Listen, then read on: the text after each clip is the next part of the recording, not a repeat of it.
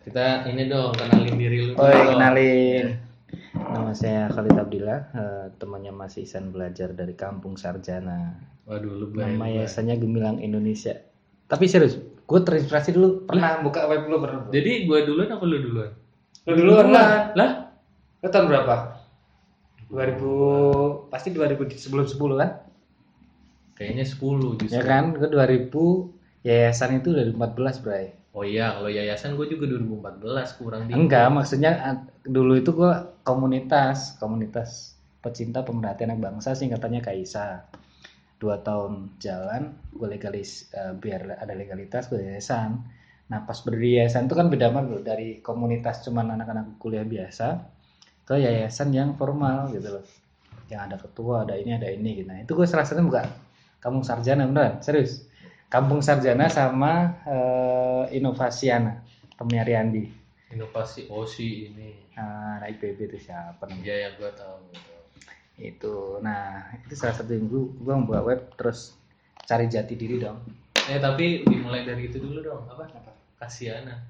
Ino apa Kaisa? Nah, Kaisa dulu lu awalnya gimana? Kenapa lu mulai Kaisa? Lu berarti pelopornya kan dulu. Lid? Iya.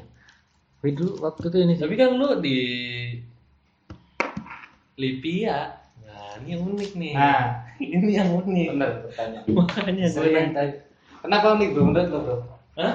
Lipia lu tapi Lipianya Selesai lah. S1. S1 kan? S1. aturannya jadi ustaz. Jadi gini Be, pertama itu sebenarnya cuman karena kasihan melihat banyak pemulung tuh daerah sini kan gue kan tinggal di dekat situ Padang Di daerah mana tuh? Ini audio nih soalnya jadi nih. Padang jadi Ya, Padang lanjut di Padang, Padang ya. Utara. Waktu itu sering lihat mereka di Masjid Al Ikhlas yang biasa buat jumatan tuh. Di Masjid Al Ikhlas. Perempatan Jadi Padang. Iya, gue tengah deket dari situ. Pas habis sholat ngeliat mereka kok eh, dulu banyak tuh yang cuman bawa karung duduk gitu kan habis sholat pasti banyak yang ngasih kan. Tanya rumahnya mana dek gitu kan. Sana kak gitu. Kapan-kapan di sana ya gitu. Kita belajar ngaji yuk gitu. Ya kak. Besoknya ketemu lagi. Eh kamu lagi. Udah sholat belum? Belum nggak? Ini sholat oh nggak punya sarung kak udah besok nggak pinjemin ya gitu. Terus ber beriringnya waktu aku main ke sana eh, ngajak teman-teman yang lain ngajak ngajak teman-teman yang di di, di kuliah. Di Libya juga. ya gimana nih kalau kita ngajar mereka gitu kan? Pertama kita cuman kayak main bro. Cuman kita undang waktu itu pertama kali bar Ramadan kita aja buka bersama. Ber. Bukber di Ramadan. ah bukber Itu Ramadan. tahun 2012. 2012 2012 gue kasih waktu itu makan. Itu pun patungan dari teman-teman. Ya teman-teman patungan kan itu belum ada kaitan apa apa patungan patungan patungan. Dari teman ke teman terkumpul waktu itu lebih lebih lebih dari budget. Over lah. Eh, yang kita cuma tadinya tuh pengen ngasih makan. Makannya pun ngirit bre waktu itu. Udah kita nggak punya uang kan. Beli kentaki kentaki waktu itu harganya 3000 yang pinggir jalan. Ya, ya, ya. Nasinya kita masak sendiri gue bawa nasi dari rumah. Kita masak sendiri terus kemudian kita beli boxnya gitu. Kita bungkusin eh ternyata uangnya lebih. Hanya kita belikan makanan dan sebagainya. Malah ada yang nyumbang uang. Ada akhirnya kita kasih uang sama itu pertama kali ajak mengumpul mereka. Itu nggak mungkin kita bisa waktu itu gue mikirnya nggak mungkin bisa membuat mereka itu konsisten kan? Iya. karena cuma kayak gitu doang. Kita ajari bagaimana punya mimpi bagaimana kalian nanti dewasa seperti apa langsung akhirnya kita buat eh, pertemuan dengan orang tua dulu karena waktu itu kita Orang tua anak-anak. Orang tua anak-anak, karena- Setelah berbuka puasa itu. Hmm. Ini masih Ramadan juga nggak? enggak udah Oh, udah jeda kita kumpulkan mereka dalam acara seminar parenting waktu itu salah satu eh, bentuk keprihatinan kita itu sebenarnya adalah bagaimana mereka itu kok tinggal di rumah seperti itu lapak-lapak pemulung ya tau sendiri ya gitu terus kita berpikirnya nggak mungkin orang tua ini punya ilmu khusus tentang bagaimana mendidik anak gitu kan makanya yuk kayak orang tuanya kita kasih yuk seminar parenting yang kalau orang-orang di luar kan bayar Iya. kita waktu itu undang dari yayasan kita dan buah hati YKBH Tapi Bu Elia Risman yang enggak? Bukan. Oh, staffnya. Tapi di mana nih seminarnya? di masjid Oh, di masjid. Assalam eh oh, masjid Assalam belakang SMK 28 itu SMA 28 itu pertama kali datang plus pembagian sembako bro karena kita waktu itu masih takut kalau mereka nggak datang. ya. nah kita manetnya inilah kasih pembagian sembako. Datang banyak gitu. Eh pas datang re- rebutan sembakonya. Dengerinnya ya setengah-setengah. Waktu itu akhirnya kita mikir lagi udah kayaknya nggak usah kita ada embel-embel eh, sembako. sembako gitu kan. Kalau memang kita niat didik mereka ya jangan sampai ada ada udang di balik batu. Pure kita bagaimana didik mereka. Nah dari situ hanya kita berjalannya waktu pertama buat bimbel kelas untuk SD kan bimbel SD kemudian ngaji. Tapi ini anak-anak pemulung ya? Sekolah. Sekolah. Ada yang sekolah ada enggak? Tapi banyak waktu itu sekolah? Yang sekolah yang dapat negeri gratis gitu ya? Enggak eh, banyak yang swasta. MI Oh. MI-nya pun MI yang enggak enggak kompatibel deh Eh, MI yang apa ya yang abal-abal gitu lah. Jadi murid masuk nggak masuk penting dia bayar gitu. Akhirnya pertama ngebentuk bimbel habis itu. Hmm, bimbel karena ada salah satu waktu itu case yang terjadi di lapangan ada anak dia itu kalau taruhlah gitu dia kelas 3 tapi pelajaran kelas 3 nggak paham dia. Gitu. Terus pas kita lihat eh, itu dua tahun eh, setahun dua tahun kemudian pas ada anak-anak binaan kita yang SMP itu yang mau naik eh SD mau naik SMP cewek ada beberapa lolos ya bisa masuk SMP yang cowok itu ada beberapa. Pas pembagian rapot itu nemnya cuma 15 15 bayangin. Dari skala cepet. Skalanya berapa sih kalau nem itu? 40 50 ya? Oh iya, beberapa pelajaran doang Mm-mm, mm-mm. itu dapatnya cuma 15 ada beberapa pelajaran tuh kosong tuh nggak ada nilainya karena dia nggak pernah masuk. Dan sekolah juga nggak nggak ngasih teguran atau apa gitu kan. Hanya dia nggak bisa sekolah. Karena dia nggak bisa ke SMP yang negeri SMP swasta kan mahal kan.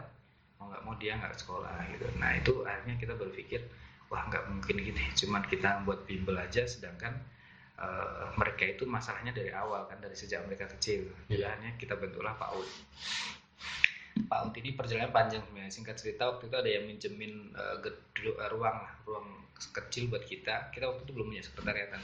Ruang kecil di gedung Geraha Pena Kumon itu. Jadi kalau jadi Padang Utara kelurus itu kan ada gedung Kumon itu. Geraha Kumon itu itu dikasih satu ruangan kecil. Kita kasih satu ruangan itu pun siang jam dari jam 1 sampai jam 4 sore. Udah kita manfaatin buat PAUD. Ini aktivitas kuliah lu lagi masih kuliah? jalan masih jalan. Masih jalan. Udah nikah? Udah nikah. Lu nikah kapan sih? Bentar dulu nanti intervensi. Pas gua lu- nikah 2009 bre. Wah. Gua lima tahun belum punya anak tapi kerjemung di dunia itu makanya waktu itu salah satu yang ya ya udahlah kita belum punya anak kemudian kita apa namanya eh, tetap bisa berkhidmat untuk anak-anak itu kita anggap dia itu anak sendiri salah satunya. Dan waktu itu ya istri masih kerja. Nggak tahu penyakitnya apa kita udah pengobatan medis sama non medis nggak ketemu. Tapi uh, kodarullah keajaiban pas tahun ke-6 itu isi lanjut lanjut. Nih ke PAUD lagi nih. Ah. itu isinya pas lu udah jadi gemilang apa masih kayak isi udah jadi gemilang. Nah oh, cuman ada kaitannya mungkin ya mungkin dengan Kaisa tadi di mana itu tahap proses berdirinya gue waktu itu sibuk di situ. Nah dari PAUD itulah kita yakin bahwasanya kita nggak bisa nih merubah mereka serta merta dari SD langsung SMP bagus. Kita harus dari PAUD dong. Bagaimana anak-anak banyak anak-anak juga cikal bakal yang mereka nanti gede masih bisa kita eh, antisipasi dari sekarang pendidikannya yang bagus gitu ya. Dari PAUD eh, ada berapa anak itu? Ada sekitar 15 anak lah. 15 anak. 15 anak. Kena PAUD berjalan. Tapi itu 15 anak semua anak yang di sana ikutan nggak? Atau ada yang nggak ikutan? Ada yang nggak ikutan masuk dulu nggak semuanya itu aware dengan pendidikan. Jadi memang lim- eh, 15 itu masih sepersekian persen. Nah mungkin hanya 30 persen dari populasi populita eh populasi anak-anak yang ada di sana anak-anak pemulung. Karena nggak semua orang tua itu mau apalagi waktu itu sekolahnya siang kan? Itu ada yang nggak mau nganter dan sebagainya. Nah dari PAUD naik ke TK kita hanya buat TK PAUD harapan TK harapan namanya. Yang dari PAUD langsung naik TK udah dua angkatan. Sekarang angkatan ketiga. Dari TK nggak mungkin kan? Udah kita bangun sejak PAUD-nya kemudian kita lepas. Iya. Ya kan? Hanya kita bentuk namanya uh, Quranic School setingkat SD nah Quranic School ini uniknya adalah kita uh, homeschooling. Jadi berbasisnya non formal kita nggak pak nggak mengacu homeschooling. Hom- kayak homeschooling. Nah artinya kita tapi hanya mereka bisa ada ijazah nggak? Nanti kita carikan Oh, paket, bersamaan paket. atau kejar paket gitu. Jadi nanti memang kalau waktu itu gua dikasih gambaran sih sama temen Lid, kenapa ngambil SD SD itu investasinya mahal loh karena enam tahun. Iya investasi entah itu prasaran maupun guru gitu. Cuman gue waktu itu mikirnya kan nggak mungkin dari PAUD kemudian kita lepas tangan terus kemudian buka program SMA kan gitu kan Iya, mungkin iya. kan ya udah sebisa mungkin kita runut gitu kan dengan ala kadarnya. Kita 2014 eh 2015 itu awal eh, awal akhirnya kita punya gedung 2015 16 16 17 ya sewa gedung deh sewa gedung Yang yang, ini besar nih, yang di yang sini. Yang di sini yang agak gede harganya itu 47 juta per tahun sewanya. Itu dari yang tadinya cuma dua kosan jadi satu kosan buat sekretariatan sama bimbel satu kosan buat kelas mereka kelas TK-nya jadi PAUD-nya dulu. Dan dulu singkat cerita maunya yang dari gedung Kumon itu kita nggak bisa perpanjang karena keterbatasan ruang gerak juga akhirnya kita nyewa sendiri. Dari sisi ke- kekecilan kita hanya penggalangan dana buat yang lebih besar. Mm-mm. Nah, penggalangan dana uniknya waktu itu adalah kita dapat lumayan banyak dari eh, pertama sih kita retail ya. Dari teman ke teman, kemudian dari. Kenceleng apa? Celengan. Celengan. Celengan. Itu kekumpul 47. Eh, dulu tahun pertama 25 juta, sekarang kan naik 2, 2 juta setengah. Tiap tahun naik. Nah, tahun kemarin itu yang lebih unik 47,5 juta itu 90 persennya dari penjualan baju kayak pakai. Baju bekas itu yang sampai Bekas sekarang itu, lu jalan. sampai sekarang itu jadi hampir 90 persennya itu dari itu bayangin itu waktu itu It- eh, waktunya tiga, tiga bulan Dalam waktu 3 bulan. tiga bulan berarti kurang lebih at least per bulannya se- 15 juta lah ya Lu ngejual bajunya dari di mana dia? di situ juga gitu? Di Enggak, situ juga? di situ juga Ada belum pernah ke sana ada Belum sih gue cuma lewat doang lihat. ada kita ada ada apa namanya pasang hutan itu sama beberapa kali kayak Sabtu Minggu itu ke beberapa kantong-kantong Bazar-bazar. uh, bazar di orang yang menang Lu berarti sebenarnya udah ngejalanin lembaga-lembaga sosial di Inggris lo, gitu modelnya. Iya. Kita dulu juga ngadopsinya di salah satu lembaga yang dia namanya uh, Barbeku Barang Bekas Berkualitas punya Yayasan Yasmin, punyanya Haidar Bagir. Iya. Yasmin itu dia dulu sama Pak Parniadi juga masih dapat support sampai sekarang kayaknya masih uh, dari Dede itu masih. Nah Yasmin itu salah satu kanalnya dia juga itu, cuma dia skalanya besar nggak cuma baju, dia ada uh, lemari, banyak perkakas lah mebel-mebel gitu. Lanjut, kita lanjut kita pernah mas ya kita kompilasi dari itu pengalaman mereka. Jadi Pak Haidar Bagir itu cerita di luar negeri itu banyak orang yang hanya jualan kayak gitu. Atau Kayak barang gitu. kayak gitu kan kalau nggak kepake taruh depan rumah buat diambil gitu kan. Iya. atau dijual untuk yang miskin hasilnya buat ke kegiatan itu. Dari itu kita pakai dan eh, responnya luar biasa. Kita yang terbaru itu pakai IG namanya Cloud, eh, Clouds for Charity CFC itu. Kita buka di beberapa kota. Ada Malang ada sidoarjo ada Solo eh, Itu Dropbox-nya bahasanya. drop ah betul dropboxnya. Jadi kita teman-teman yang sanggup untuk eh, tempatnya dijadikan pool pengumpulan barang eh, kita buka di situ. Karena setelah kita buka di IG itu animasinya eh anim Animo. Animonya itu nggak nggak cuma Jakarta bro. Dari luar daerah pun juga tinggi. Bahkan sampai yang dikirim ke kita itu sebelum ada cabang di sidoarjo itu ada dari mana ya? Pokoknya daerah Jawa Timur. Itu dikirim ke kita dua dua dua kardus. Dan itu bajunya bagus semua. dan bajunya ya cukup punya nilai jual. Kita jual rata-rata ada 10 ada 5 ribu ada 20 ribu gitu kalau misalkan kita dalam satu satu Oh tapi range harganya segitu ya, 5 ribu, Hmm. 10 ribu, 20 ribu. Di atas 50 nggak ada. nggak ada kecuali kecuali barang yang bagus bagus, banget. banget. misalkan nih ada sepatu ori mereknya eh, Diadora pernah ada yang donasi kayak gitu ada pernah donasi tuh tas yang seharga 400 ribu nggak mungkin kan kita jual 20 ribu kan tetap kita harus searching harganya kayak gini berapa sih kalau orinya gitu nah itu barang-barang yang di luar baju yang ba- bagus yang yang memang ada bro kayak gitu kayak kemarin temanku beli sepatu apa ya eh, ori tuh sepatu Diadora sih kalau nggak salah kena enam puluh ribu gitu kan kan dia udah untung juga dan kita juga udah untung karena itu kita nggak beli kan Iya, iya, iya. gitu dan barangnya rata-rata masih bagus Banyak pasti ini rata-rata ini yang saya pakai ini yang saya pakai ini Itu sepuluh ribu sepuluh ribu Wah. eh, tapi pasti banyak yang ngelebihin juga kan ya. ya banyak Gak mungkin dia goceng goceng ya ada beberapa. Hmm. Tapi karena ambil karena mas gitu banyak ya. banyak juga tapi kita punya pangsa pasar yang banyak juga pelanggan tetap bro jadi Oh. Misalkan nih dulu kita sortir baju, penerimaan baju, kemudian kita pilihin, kita kasih label harga itu tiap hari Sabtu.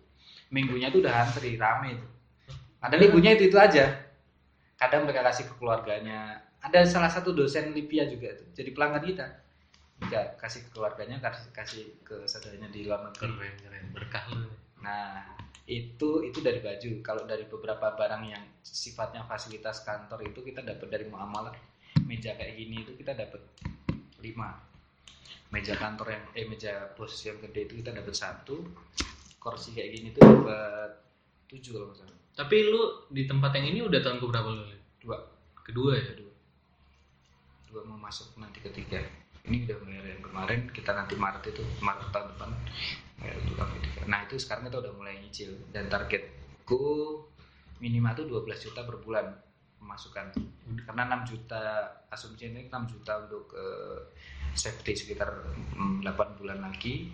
Terus 6 jutanya operasional rutin buat gaji guru. Nah iya. Dan lu set- sejauh ini tapi udah nih udah tempatnya program kalau secara program ya TK itu ya Hmm. PAUD itu Kapal sama KS, KS itu yang Quran yang School, tadi itu ya yang setara SD Intinya- itu sekarang udah ada kelas 2 bro, jadi kelas 1 kelas 2 di situ Hmm, di situ juga. Itu muridnya eh, 9 sama 5. Ada 14 murid. intinya tapi setingkat SD ini lu ngejar paket A berarti ya Hmm, betul. di akhirnya Terus apa namanya? dua kelas tapi anak-anaknya campur aduk berarti umurnya Enggak. Ada kelas sendiri, ada kelas 1 sendiri, gurunya sendiri, kelas 2 gurunya sendiri. kelas 3 belum ada Belum ada. Mungkin nanti kalau tahun depan, tahun ajaran depan yang tadinya PAUD ke kelas 1, eh TK ke kelas 1, yang kelas 1 ke kelas 2, kelas 2 ke kelas 3. Itu berlaku juga bagi yang tinggal kelas ya tinggal kelas. Gitu. Dan ada meski ada beberapa yang nggak lanjut yang dari TK ke PS tapi yang bertahan itu banyak mereka itu justru berharapnya dari kita karena ngerasakan betul dampaknya ada yang pas ditanya kamu sekolah sini sampai eh gini deh. Dia iseng kita ngobrol sama kita kak nanti saya SMP-nya di sini ya kak ya gitu. Udah mikir SMP kan? Berarti oh dia nyaman di sini gitu. Karena kita memang gratis terus kita dapat kerjasama dengan eh, Food Bank Indonesia. Eh apa tuh? Oke, pokoknya dia ngasih makanan ke kita berupa susu sama roti. Itu tiap rutin? rutin tiap dua minggu sekali Eh, yang tiap Jumat sekali itu ada salah satu donatur ya eh, dia ngasih makanan eh, sifatnya makanan besar sih makanan bergizi dia. Jadi tiap Jumat itu kita ada asupan gizi buat mereka. Dua minggunya kita kasih susu sama roti itu. Rotinya sekelas Britok rotinya roti roti Britok gitu sama susu murni.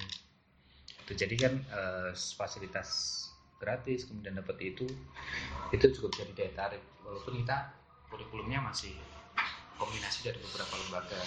Ya intinya masih mencari format lah ya. Sip, iya itu bro. Berarti sejauh ini lu yang guru yang digaji ada berapa nih ada banyak? Oh ya kita ada juga rumah Quran bro. Rumah Quran ini di dekat SMK 57 ada masjid Al Muawana namanya. Di situ ada masjid yang kita kelola rumah Qurannya ada tiga guru. Jadi kita ngaji tiga guru di situ karena dia Senin sampai Jumat rutin tuh habis maghrib nah, alhamdulillah udah satu juz satu tahun berjalan tuh kita udah me- mewisuda satu angkatan yang lulus satu juz tapi di situ rumah Qurannya penerima manfaatnya warga sekitar? Nah, warga sekitar yang notabene walaupun nggak pemulung tapi menengah ke bawah lah kalau orang-orang yang rumahnya uh, apa ya sempit-sempit gitu lah. Yang bapaknya cuma satpan dan sebagainya gitu nah yang di Solo ada juga rumah Quran dengan 150 siswa santri itu yang paling banyak di Solo Eh, karena di sana dulu kita nggak mulai dari nol sih ada teman yang butuh support kita kemudian kita support termasuk pendanaan gaji teman lu sendiri Ah, jaringan itu sih. jaringan. Terus kemudian yang sekarang terbaru di nggak terbaru sih, udah dua tahun di Jogja. Di Jogja juga ada rumah Quran. Jadi gaji guru rumah Quran Solo satu, Jogja, Solo, Jogja, Jakarta tiga, eh, Pak ada satu, ya, ada delapan yang kita gaji. ada delapan orang rumah Quran tiga guru Rumah Quran ada lima. lima Jakarta 3, Solo 1, Jakarta eh Jogja 1. Kiasnya ada dua, Pak OTK-nya ada satu. Dapat. Guru PAUD ada berapa? Sama TK OTK-nya, Pak gabung. OTK-nya sekarang nggak bu? Berapa orang? Satu orang. Satu orang. Kita aja. lagi nyari. Karena ngendelnya nggak terlalu banyak anak ya. Hmm, Kemarin baru desain sih. Kalau SD SD ada dua. ini nggak apa-apa nih buka-buka nanya. Lu nggak gajinya berapa ya? Pak UTK itu Gue biar jadi knowledge juga ya. Gue kagak Pak. UTK itu satu juta tiga satu juta satu juta dua ratus OTK SD SD sama Sama. dua ratus Eh, karena tapi tiap hari daily ada ini enggak? ada Senin sampai Jumat Ada terus. ada terus Tapi sampai siang doang ya. ya mereka at- kurang lebih ya kurang lebih itu lima jam lima jam mengajar berarti jam kerjanya kurang lebih lima jam SD satu orang, Mm-mm. SD dua orang SD dua orang yang dua kelas itu, kelas satu sama kelas dua. Ah. Kalau guru ininya rumah Quran kita lima ratus ribu semuanya walaupun Jakarta Hmm. kok sama daerah sama. Iya. Enggak deh kalau Jogja itu 300 kalau Solo itu 400 ribu kalau Jakarta 500 Berarti kalau di total lu operasional berapa ya? Ini rata-rata per bulan itu 6 jutaan 6 jutaan. listrik dan sebagainya kan rumahnya AC juga kan listrik 700 ribu buat eh, kita pasang hotspot wi- wifi juga kan di kantor kan ada wifi terus kemudian lain-lainnya buat penunjang kayak kita bazar kan pasti ada uang keluar juga Iya. kan Nah nih di luar tim lu ya, Hmm. eh di luar pengajar dan bahasanya karyawan yayasan Hmm. kali ya. Lu sampai bikin-bikin SK-nya gitu ya? Berarti enggak sih kontrak aja kontrak aja. Iya, surat kontrak kerjanya ada ya berarti ya. ada bro Dan itu pengajarnya Jadi kita itu eh, di tim inti, tim inti pengurus yayasan itu yang semuanya relawan. Itu ada eh, gua ketua, ada sekretaris, ada direktur program, ada direktur fundraising dan komunikasi di Funkom, eh, ada HC dan umum. Nah, guru eh, direktur program itu yang membawa itu semua. Dia mikirin Oh, kurikulum, dia mikirin dan sebagainya, santri embednya dan sebagainya itu ada direktur program, fundraising dan komunikasi dia yang ngurusin eh, nyari dana tadi sama komunikasi di sosmednya HC rekrutmen sama kayak di kita sih terus umum ya perlengkapan dan sebagainya udah tahu-tahu tim lu berarti cuma berlima aja.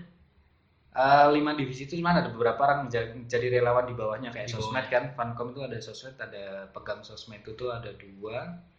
Terus yang barbeku itu ada satu orang. Tapi secara yang kuat ya lima ini. ya yang kita tim lu- intinya di Lu banyak berkoordinasi ke lima orang Betul, itu aja, paling betul. banyak. paling banyak dengan itu. Dialah nanti yang akan mentransfer ke tim di bawahnya. Tiap bulannya kita rapat rutin secara umum. Cuman tiap bulan juga kita ada rapat khusus dengan pengurus inti itu lima orang yang direksi-direksi itu direktur-direktur ada program Yang Fancom berarti ngurusin yang Cloud for Charity ini. for charity ada sendiri terus kenceleng juga ada sendiri eh, donatur tetap sama sosmed Yang nah ini yang menjadi pertanyaan gue nih selain Apa? guru itu ya. Yang jagain toko bazarnya siapa? Tiap hari nah itu ada. semua teman-teman relawan kita yang tadinya yang Oh, di kan ya? itu nggak nggak kita yang ngilir tapi ke- kesanggupan mereka jadi kita kita broadcast Tapi belum tentu tiap hari ada berarti ya. kita rutin kan tiap tiap hari ada sih jadi Tiap kita hari ada? hmm, tiap hari ada Dan itu ma- mahasiswa rata-rata. rata-rata mahasiswa rata mahasiswa dan guru Ya minimal mereka wifi-an lah di situ ya. iya karena kita kalau hari biasa Terus itu mereka juga bisa make lah buat Ya. belajar sama temen-temennya ngajak juga boleh. mereka gitu. itu kan kalau bazar kita itu nggak lama bro dari jam setengah lima sore sampai jam 8 malam. Hmm. Oh cuma Iya, segitu aja. segitu Segitu aja. Dulu pernah di awal kita bukanya dari siang dari jam 1 sampai jam 8 dua shift.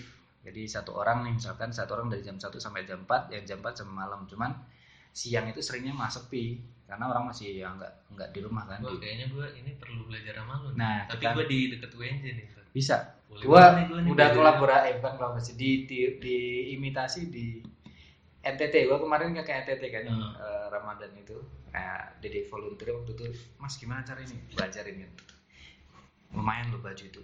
Orang eh, ngiranya itu kan apa sih gitu kan. Gua intinya ini sempet mau jalan ya tapi ya gitulah entah beberapa hal gua nggak jadi jalan. Gua karena diceritain sama teman gue itu dia yayasan kayak semacam kanker-kanker gitu. Hmm.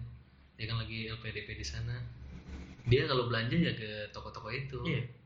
Tren Dan harganya mungkin nggak kayak lu ya 50 bentok 20 ribu yang bagusan dikit. Yang Ini tinggi. bener. Tapi baju yang lu yang jelek lu sortir lu buang ada nggak ada Banyak. ada yang kan kita namanya ngasih kan macam-macam ya ngasihnya memang dia barangnya agak jelek itu ada dua kemungkinan. Satu jadi kan kita uh, bina kita kan pemulung kan? Hmm. ya udah akhirnya apa namanya kita kasih itu yang nggak laku itu kasih ke mereka. Oh. Seneng kan mereka kan? Oh. kita kak kalau nggak pakai ya juga ya. buat mulung buat Oh, ini juga gitu ya. kan? Jadi kalau dapat yang jelek gue bawa aja ke daerah nah ya. betul. Pasti diterima. Bener ya. Seburuk-buruknya buat lap. Seburuk-buruknya buat lap. Bener juga lu liat Nah, kalau kalau yang eh, istilahnya dia udah agak lama kita turunkan harga. Nah, nanti manajemen eh, pricing kemudian labeling itu pasti berjalannya waktu masing-masing daerah karakternya kan berbeda ya. Kalau di kita itu kan karena udah rutin tiap hari terus kemudian yang jaga udah komitmen kelihatan tiap minggu oh ini barang baru nih. Ini barang lama gitu kan. Nah, lama nanti satu kita buang di bazar yang tempat-tempat nggak di nggak di showroom kita atau nanti kita turunin harga. Pas 17-an kemarin itu tapi tepatnya tanggal 25 sih jadi depan kita itu kan lapangan. Ada bazar dan 17-an kita turunin tuh harga-harga beberapa itu. Eh, tiga hari itu dapat berapa waktu itu ya? Hampir 3 jutaan. Pernah juga sehari waktu itu yang ada pas nonton bareng eh, Indonesia lawan Malaysia itu kita semalam dapat 2 oh, juta setengah. nobar di situ? Enggak yang ngadain Karang Taruna Karang Taruna eh, ngajak kerja sama kita udah kita seneng. Lu cara broadcastnya gimana? Ke Broadcast apa? ke WW aja atau di pokoknya di lokasinya ada ya? Kita ada flyer. Cuma sebenarnya di GI itu belum bisa masif sih eh, apa namanya below the, eh, above the line-nya itu. Kita pernah pasang spanduk yang gue bilang Hmm. itu. Cuman lebih banyak yang nelpon tuh mustahik daripada donatur minta bantuan ya kan? Neran-neran kita pak gimana nih pak? Kita udah mau ini gitu jarang yang ini. Tapi nggak tahu karena kita nggak banyak atau gimana kita nggak tahu sih. Intinya sejauh ini itu ya yang masih jaga sosmed sama mahasiswa ya. Betul. Dan mereka mau ya. Intinya karena ada wifi itu udah makmur Nggak. sih kalau menurut wifi itu baru baru akhirnya ini bro Oh, baru- baru, baru. sebulan ini baru sebulan.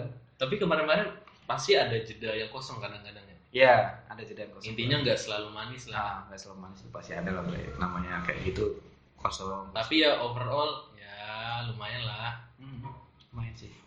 Itu benar-benar kita itu di luar target kita tahun kemarin loh. tahun ini itu kita hampir tembus total berapa? 300 juta. 300 masya allah. Eh, keren juga lu liat iya. Eh enggak juga sih. Lu- bandingan dede bro. Enggak ya lu gimana ya? Masih kecil. Ya kita yang kecil-kecil cuman gini bro yang gue sebenarnya pengen belajar dari lu tuh dengan niat baik mah ya lumayan Iya. ya. cuman kan kita nggak bisa Jangan gue dulu, gue dulu, gue lagi pengen belajar dari lu di lah kapan gue dong sama Ntar kapan-kapan Oke, beneran deh. Gue sharing ntar gue minta ini ya sosmed sama Iya. Boleh deh gue kasih lah kita sharing Siap. sesama. yang dulu lu sama sosial. Riyadi Tapi gue masih ada yang pengen gue tanya nih Apa? beberapa. Itu udah. Nah ini gue pengen nanya, lu memulainya ya, memulai yang cloud apa? Cloud for Charity Ya cloud for charity itu gimana kan? Udah ada tempat dulu, Nah, lokasi dulu apa enggak? Belum ada lokasi. Kita itu sejak Nah, waktu masih coba-coba. waktu masih nyewa itu kita udah mulai cuman memang belum masif. Ini belum banyak. Kita hanya sebar flyer di rumah-rumah. Jadi waktu itu awalnya sebelum Oh, waktu orang. itu belum IG belum terlalu ngehits ya. Masih banyak FB Oh pas lu udah nyewa lokasi ya? Mm, yang ngehits rumah save rumah itu. kosan? Kosan. Kalau yang sekarang kan rumah kan satu rumah satu yang rumah. sebelumnya nih sebelumnya lu- cuman kosan. Kontrakan gitu lah. Orang ngirim barangnya? Dulu lebih banyak kita jemput. Oh. Kita karena karena flyer itu kan udah ketahuan kan kita nyebarnya misalnya di komplek ini komplek yang ini pasti yang telepon orang-orang itu aja yang kita jemput. Dulu itu masih kita manual bang kita jemput. Karena masih sedikit. Nah sekarang eh, semakin banyak ini kan nggak mungkin kita jemput semua kan. Sampai kita waktu itu berpikir gimana kalau kita buat penjemputannya di jadwal ya nggak jalan. Karena terbatas tenaga kita kemudian eh, dana dan tim kan kita nggak adanya sekarang dengan adanya Gojek dan ekspedisi yang murah mereka kirim sendiri dan murah sini kita. lokasi. Lokasi banyak yang beli. Gojek tuh paling sering hampir tiap hari itu pasti ada. Tiap hari ada yang jaga nggak sih? Maksudnya yang tinggal di situ ada nggak? Tinggal di situ nggak ada cuman dari pagi sampai siang kan minimal guru PAUD sama eh guru QS kan. Oh dia di, dia diamanahi. Hmm kalau ada misalkan aku kasus tahu tahu tambahan beda itu kan. ya. Itu kan nanti ada dia yang terima gitu. Itu sampai jalan kayak gini ya? Hmm. Itu yang sebenarnya kita mau modif bagaimana nanti jadi store sendiri gitu, jadi kayak swalayan gitu. Karena memang animonya banyak, terus kemudian stoknya itu ternyata juga masyarakat tuh antusias banget gitu. Iya. Ngirim ke kita tuh bahkan nggak cuma sekali loh, ada beberapa donatur itu berkali-kali dan sampai dia ke teman-temannya juga. Dan seringnya nih misalkan ya apalagi IG sekarang dia dia pasang di IG story-nya misalkan dia eh, yang terakhir kemarin itu di Kalibata City ada orang apartemen situ. Dia cukup punya apa ya punya kedudukan dipandang lah sama teman-teman gengnya gitu. Dia donasi kemudian di share nah banyak yang tertarik kan? Ini banyak orang di situ gitu. Ini gue nimbul pertanyaan ini jadinya. Pas lu masih masa di kontrak ya? Ah. orang beli lu gimana maksudnya? Ya lu ngejual barangnya itu gimana via apa dulu pas masih awal-awal. Kalau ini kan sekarang Oh, flash dulu gitu kita ya. ini cari tempat. Jadi ada bazar rutin eh, di beberapa komplek itu ada bazar rutin tuh yang pasar malam kampung-kampung itu. Oh. Makanya ada misalkan ada jualan ini gitu. Iya. nah itu kita nempel di situ. Ikut. Waktu itu bayarnya itu sekitar 40.000 satu stand plus keamanan sekitar 20.000 intinya yang serombongan lah ah, pasar malam rombongan kita nempel di pasar malam rombongan ya. Sama rombongan terus? kalau udah dapat koordinatornya bakal di SMS lagi ya kan? kita Ya, SMS Mas, gue. kita ada di sana gitu. Tapi lu itu nggak nyoba online ya? Intinya lu dari bazar ke bazar itu aja? Pertama itu kita sempat nyoba online eh, dengan barang-barang yang cukup bagus waktu itu sepatu dan sebagainya. Cuman masih belum maksimal sih waktu itu. Masih nggak maksimalnya karena ya ada ongkirnya sih ya. Iya betul. Itu dia. Waktu itu memang kan zaman udah ada OLX ya. Cuman eh, kita kita belum evaluasi sih sejauh mana kalau kita gagal karena udah ada cara yang wah offline aja laku gitu. Iya iya benar benar jadi ya udahlah offline aja gitu kan. Seringnya gitu kan ngapain sih online? Lamaan gitu kan. Kita offline aja malah Iya. laku gitu loh. Iya, iya, iya, iya. nah itu artinya artinya eh, yang membuat kita ya udah kita berarti cari tempat yang lebih luas gitu. Iya, iya, iya. tadinya kita takut juga bro gila 45 juta yang tadinya kita bayar kos cuma 600 ribu Iya. yang sempat 5 juta kan jelek kan cuman dengan strategi itu tutup doh gitu kan Oh iya gitu kan berkah niat Iya, karena kelas juga bisa di situ dan sekarang ada lagi bimbel itu khusus buat orang sekitar. Nah itu dampaknya kita jadi punya siar bagus dengan tetangga. Jadi waktu itu terus ada, tetangga juga ikut ya aware merasakan manfaatnya kan. Jadi Iya, iya, iya. oke kalau malam kan nggak ada kelas untuk yang pemulung kan. Akhirnya kita ada kelas kita itu dipakai buat bimbel orang sekitar dan itu yang dan itu gurunya lu bayar Enggak. Nah, itu waktu itu uniknya itu di situ. Jadi ada satu uh, pegawai bengkel Nissan sini. Hmm. Dia sering lawan di deket deket kita, kemudian dia ngeliat apa sih ini gitu. Kemudian dia Ya, pengen aja. pengen bantu. "Oh, saya saya bisa cuma ngajar kak gitu. Ya udah ngajar bimbel mau nggak? Nah kebetulan dia expert di bimbel.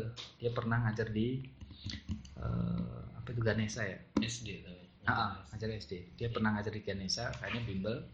Kemudian kita berpikirnya itu, dulu ada salah satu lembaga mahasiswa di dekat situ yang kebanyakannya itu ahwat bercadar diusir dari warga itu karena mereka nggak mereka tertutup Eksklusif ya. eksklusif itu. terus Kemudian nggak memberikan Hmm, kemudian kita berpikir, wah kita juga sama-sama sosial juga harus sama sih memberikan identitas bahwasanya kita itu legal satu, yang kedua kita nggak eksklusif, kita tetap selalu dengan masyarakat, kita terbuka dengan Pak RW, Pak RT. Kita ada apa-apa itu selalu sama Pak RW, Pak RW. Launching apa wisuda santri kita itu kita pasti mengundang Pak RT. Nah dapat support itu masyarakat aware gitu kan termasuk salah satunya bukti bahwa mereka itu hanya peduli dengan kita pas bazarnya mereka kita diundang gratis padahal yang lain bayar kan stand itu kita gratis itu itu salah satu aja yang lainnya itu tadi anak mereka disupport datang ke kita kemudian ada kondangan kita diundang. Kemudian ada yang punya misalkan ada uh, beberapa itu misalkan ada makanan kasih ke kita gitu. Jadi mas ini mas kue gitu, gitu sih. ini udah isa nih. Terus tapi gue satu lagi nih. Gue satu Bro. lagi. Gue intinya pengen nanya nih. Gue ya lu mungkin kalau tapi dari si, si ini sih gue harus banyak belajar nih Apa? apa soal tapi ini nih ini pertanyaan yang gue alamin tapi lu juga alamin gue pengen nanya aja kalau Iya. lu alasannya apa? Apa? lu nih udah nikah ya? Ah, udah punya anak juga? Ah. berapa? Dua. Ah. ya bebannya lebih inilah gue baru satu baru Hmm. awal-awal. Terus lu bangun yayasan ini Hmm. terus lu bersosial kan? Hmm. lu gak dibayar kan? Hmm. sama gue juga. Lu kenapa sih? Mau? Gue gini bro alasan terbe- terbesar Gua- lu apa? sejak awal berdiri itu udah ngerasa gini banyak keberkahan eh bukan keberkahannya bahasa tuntupnya banyak uang yang masuk ke gue itu. Gue harus nudan tuh berkat dari itu. Eh belum nih. Gue kasih penekanan lagi nih. Apa? Lu kerja di lembaga sosial ya. Ah. Gaji sosial. satu, satu lah satu, satu dulu. Enggak ini kan oh gajinya. Berat. Oh iya maksudnya lu kerja di lembaga sosial. Hmm. dompet duafa Hmm. nggak apa-apa nih biar iya ah iya. pencitraan juga kita bikin konten. Masa kagak bermanfaat tuh dompet duafa iya. Dompet duafa gaji sosial. Ah. sama ya. Ah. terus lu bersosial lagi Jadi udah gini. lanjut lanjut.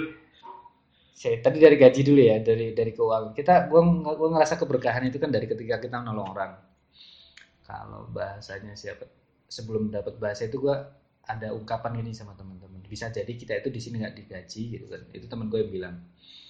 Tapi Allah ngasih rezeki dari jalan yang lain gitu. Nah benar bro. Jadi gue dari eh, sejak kuliah gitu eh, gue di tahun sejak mendirikan yayasan itu eh bukan sejak komunitas sejak masih sama anak-anak pemulung itu tahun kedua kayak saya komunitas gue itu dulu pernah dapat eh, slot di acara Islamic Book Fair di Senayan. Waktu itu kita cuman tampil apa ngurusin acara. Jadi waktu itu kan tahu kan Kids Corner kan? Iya iya iya iya. dulu cikal bakal kita pertama banget. Dulu nggak ada Kids Corner tuh. IBF tahun 2012 itu belum ada yang di atas eh, selasar kemudian ada khusus anak itu nggak ada dulu nah tahun kita itu waktu itu di, waktu itu kita cuma ngajuin buat lomba. Gimana nih kalau Kaisa buat lomba di sana? Tentang anak-anak karena kita anak-anak kan. Eh sama IKAPI waktu itu gue diundang di Rawamangun waktu rapat panitia IBF mas sanggup nggak buat eh, secara selama IBF berlangsung acara anak di sana? Kesempatan dong satu kesempatan kita campaign dua kesempatan kita bisa jual produk. Karena kita waktu itu dikasih dua stand gratis stand kalau dibayar di- kalau beli kan lumayan kan. Kita kasih stand gratis kemudian kasih slot di anggrek itu satu. Kalau di stand kita yang kit corner itu full selama satu bulan. Eh satu pekan lebih. Iya. singkat cerita di situ gua ngundang salah satu komunitas eh satu yayasan tentang autism care Indonesia. Namanya yayasan autism autism care Indonesia. Ketua yayasan ketua pembinanya datang. Ya, waktu itu dia datang kemudian eh, pas gua melihat gua tampil kemudian ngasih sambutan ya tertarik nih selang sebulan kemudian gue dipanggil gue disuruh jadi ketua eh, eksekutif manajer di yayasan dia. Jadi gue part time kuliah eh, sampai jam 12 siangnya ke yayasan dia. Gaji waktu itu gue berada 2013 3 juta 300 part time partai part time full fasilitas. Kasih waktu itu kasih handphone kemudian tiap gue jadi eksekutif manager uh, ngurusin ada tujuh klinik terapi anak autis di lima kota. Bandung eh, Bandung Barat kemudian Lampung kemudian Jepara Solo Madiun itu gue hampir tiap minggu keluar kota pesawat semua tuh plus gaji 3 3,3 juta itu part time nggak full time itu part time pokoknya lu kuliah kuliah Iya. lagi enggak. Setelah itu langsung. Gitu nama extreme manager kan nggak mungkin kerja hal yang teknis kan pasti Iya. strategi. Itu satu-satunya akhirnya gue yakin ya, nggak mungkin kalau gue nggak karena gue ngurusin anak-anak tadi dipertemukan dengan itu kan gitu. Naik kan dari situ strategi gitu. Setahun kemudian gue nggak udah nggak lanjut gitu kan nggak lanjut di ASN itu. Kemudian full eh, sebelum di domain dua gue di marketing. Di marketing apa? Perumahan. Di marketing perumahan eh, empat bulan setelah itu di DD nah DD itu sebenarnya dulu alasan gue pengen belajar ngembangin kaisa itu bro. Sama itu waktu itu gue ditawarin eh, eh pak tapi lu ganti kan jatuhnya? Enggak gue nggak itu oh lu ganti cuman gue beruntung waktu itu reguler tapi langsung ambil tetap. Oh ya lanjut lanjut lanjut. Itu. Nah dari situ akhirnya gue kepilih dan gue belajar. Sebenarnya belajarnya nggak telat nih fundraisingnya akhirnya beberapa gue komparasi ke yayasan. Cuman waktu itu gue masih inget banget karena itu janji Pak Torek waktu interview. Mas tapi saya minta dia tahu kalau gue punya Kaisa kan? Iya iya jangan ada lembaga di atas lembaga. Maka sejak saat itu gue nggak pernah misalkan nih event-event kita Dede misalkan di ke event gue gue nggak pernah. Ya, gue nggak bahasanya kayak lu pas kemarin parcel bareng ya. Ah itu kan gue mau kan? gue nggak minta kan. Cuman hanya di di ini gitu kan disuruh disuruh ngajuin dan memang mereka butuh ya udah gue ajuin gitu. Nah itu pada akhirnya gue membatasin hal-hal yang memang di sifatnya itu DD kayak gini gue kayak gini. Makanya bentuk fundraisingnya pun kita nggak pernah ngambil dari DD kan? Counter juga nggak ada. Sebut donasi maupun ngambil donatur-donaturnya kita juga nggak ada gitu kan? Kita pure dari itu. Itu eh, apa ya yang buat gue akhirnya yakin. Dari situlah ini banyak banyak lah jalan-jalan rezeki yang tadi duga ya sampai bertahan seperti ini. Dan Allah kasih petanya itu kayak sejak dulu. Kayak misalkan gue kuliah kan dulu per- Iya. udah ngambil rumah kan di Bekasi gue ngambil rumah hanya sekarang gue nggak ada beban buat uh, nyewa dan sebagainya kan cuma angsuran yang murah banget. Angsuran gue rumah itu enam ratus ribu. Flat Berapa? enam ratus ribu. Oh lu yang rumah-rumah subsidi. ya dulu subsidi. Cuma rumah gue di, di komplek uh, cluster bukan perumahan yang itu. Jadi yang cluster dari situ Allah udah tunjukkan nih ada rumah pembentuk. Kemudian uh, kalau mobil sih waktu itu ceritanya panjang sih uh, Oh iya ngambilnya si Paris ya. Paris terus Tapi lu di luar Dede ada gak sih sekarang lihat? Nggak ada. nggak ada Full udah Dede aja. sempat nguber kayak Faris Oh, Cuma- sekarang udah jalan. udah udah, udah sejak Ramadan enggak karena ternyata capek sama itu sih Iya benar. Lagi lu udah dua. iya Gua aja sekarang baru ngerasain gua disuruh pulang cepet. Nah, lu Pagi ngerasain. mandiin dulu. Nah, alam syukurnya bro, syukurnya bro, gua ngelibatin istri. Ya, istri tahu betul lah jatuh bangunnya gua ngurus yayasan, Iya. ngasuh tim. Tahu sendiri kan nggak mungkin gua lima tahun orangnya itu misalkan bertahan kan nggak mungkin kan Hmm. pasti ada yang guguran ada yang hanya keluar dan sebagainya ada yang baru itu kan pasti eh, pahit manisnya pasti ada istri tahu betul lah bagaimana gua ngurusin seperti itu sempat dulu caci-caci tim dicaci maki tim kemudian akhirnya dia keluar mau dirikan yang nyaingin kita juga ada gitu. Ada? ada Lu Jadi ada kita- sampai kayak gitu? sama ada jadi anak Hmm. Hemi Gua belum ada. Wah, ada Hemi gabung ke kita karena polosnya gua waktu siapa pun yang masuk gua terima nggak ada interview dan sebagainya ya udah nggak apa-apa. Ternyata dia ada modus. Satu untuk HMI kedua naksir cewek gitu kan sama. Ketika naksir ceweknya nggak keturunan dia udah agak ngambek. Ketika modus dia untuk mengembangkan HMI gak keturunan dia udah ngambek. Ya dia keluar eh, sempat hanya dia ngompor-ngomporin ke tim yang ada dan sebagainya tapi kan kebaikan tuh walaupun banyak yang nentang kan orang lihat lah Iya, oh, ini bener kayak gini. Dia keluar membuat sendiri ini buat waktu itu hampir punya namanya rum- rumah kita. Erkit jalan berapa? Nggak ada setahun bubar. Tapi itu bagian dari tadi. Istri gue tau lah dan dari situ dia support. Nah makanya sekarang dengan rumah gue yang jauh dia tahu misalkan nih gue sehari pulang sehari enggak Iya. jadi sehari gue kesempatan sama keluarga sehari gue Oh, tapi yayasan istri lu di Bekasi? Bekasi tinggalnya. Bekasi. Tapi sabtu minggu. Di sana jauh dari siapa-siapa dong? Keluarga lu, keluarga dia. Hmm. ya sama tetangga doang Nggak pak minum nggak ada ya pak ada. Nah, Itu aja sih. Gue tadi pengen nanya lagi tapi lupa gue. Ya kawan-kawan lagi lah. Intinya gue harus belajar nih dari lu nih. dia yakin itu bro sebenarnya gue gue yang paling paling ini bro ntar kita Nah, cari nih kita tutup dulu ya. Udah deh. Oke. pertanyaan terakhir nih. Gue beringet nih, nih. Gue beringet. Lu ke depan yayasan ini mau kayak gimana? Terus lu mau full DD, di DD apa benar-benar ya misalnya si Gemilang Indonesia nih kayak DD gitu ya Hmm. ada gajian ada segala macam atau kayak gimana lu posisi lu tuh di sana mau kayak gimana Lihat. Kenapa nak? Ngambil Quran? Oh iya. Oh iya. Nih nih nih nih.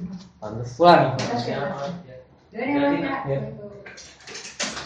mimpi gue gue tetap ngedein yayasan karena sesuai eh, sesuai tujuan awal di DD itu buat belajar kan. Makanya eh, ya harus gue harus dapat banyak ilmu dari DD nah itu aja sih mimpinya tetap eh, dia akan Berarti lu suatu saat bakal Bisa. Allah. pasti Terus di yayasan lu lu Nah itu yang sebenarnya kita mau belajar, Bray. Karena memang kuncinya adalah butuh keberanian. Di antara kita berlima nih, nggak ada yang mau digaji. bahasanya gue juga pernah nyoba tuh. Ada siapa nih? Lu aja duluan gitu. iya, sama berarti kan. Kita nggak mau, wah, lihat aja lah ketua gitu kan. Aku mikir kan kalau gua samain sama Dede, wah nggak enak juga nih gitu kan. Iya, Yayasan baru berdiri, misalkan taruhlah perolahannya 10 juta, buat ngaji gua 3 juta. Waduh, kasihan yang lain. Kalau gua gaji di bawah itu, kok ya gua butuh uang juga gitu kan. Real kayak gitu. Maka strategi gue sebenarnya kayak gini sebenarnya. Nanti eh, resign dari DD itu ada dua hal. Gue full time di sana dan digaji. Yang kedua, gue owner di sebuah bisnis. Kemudian gue bisa full time di sana tapi gue nggak ambil gaji dari situ. Ya lu gitu udah menjalankan owner sebuah bisnis belum? belum. Tapi intinya lu punya tetap planning sana, tetap planning ke arah situ. Planning ke arah situ. Makanya antara dua itu kalau nggak nggak bisnis ya gue mungkin full time di situ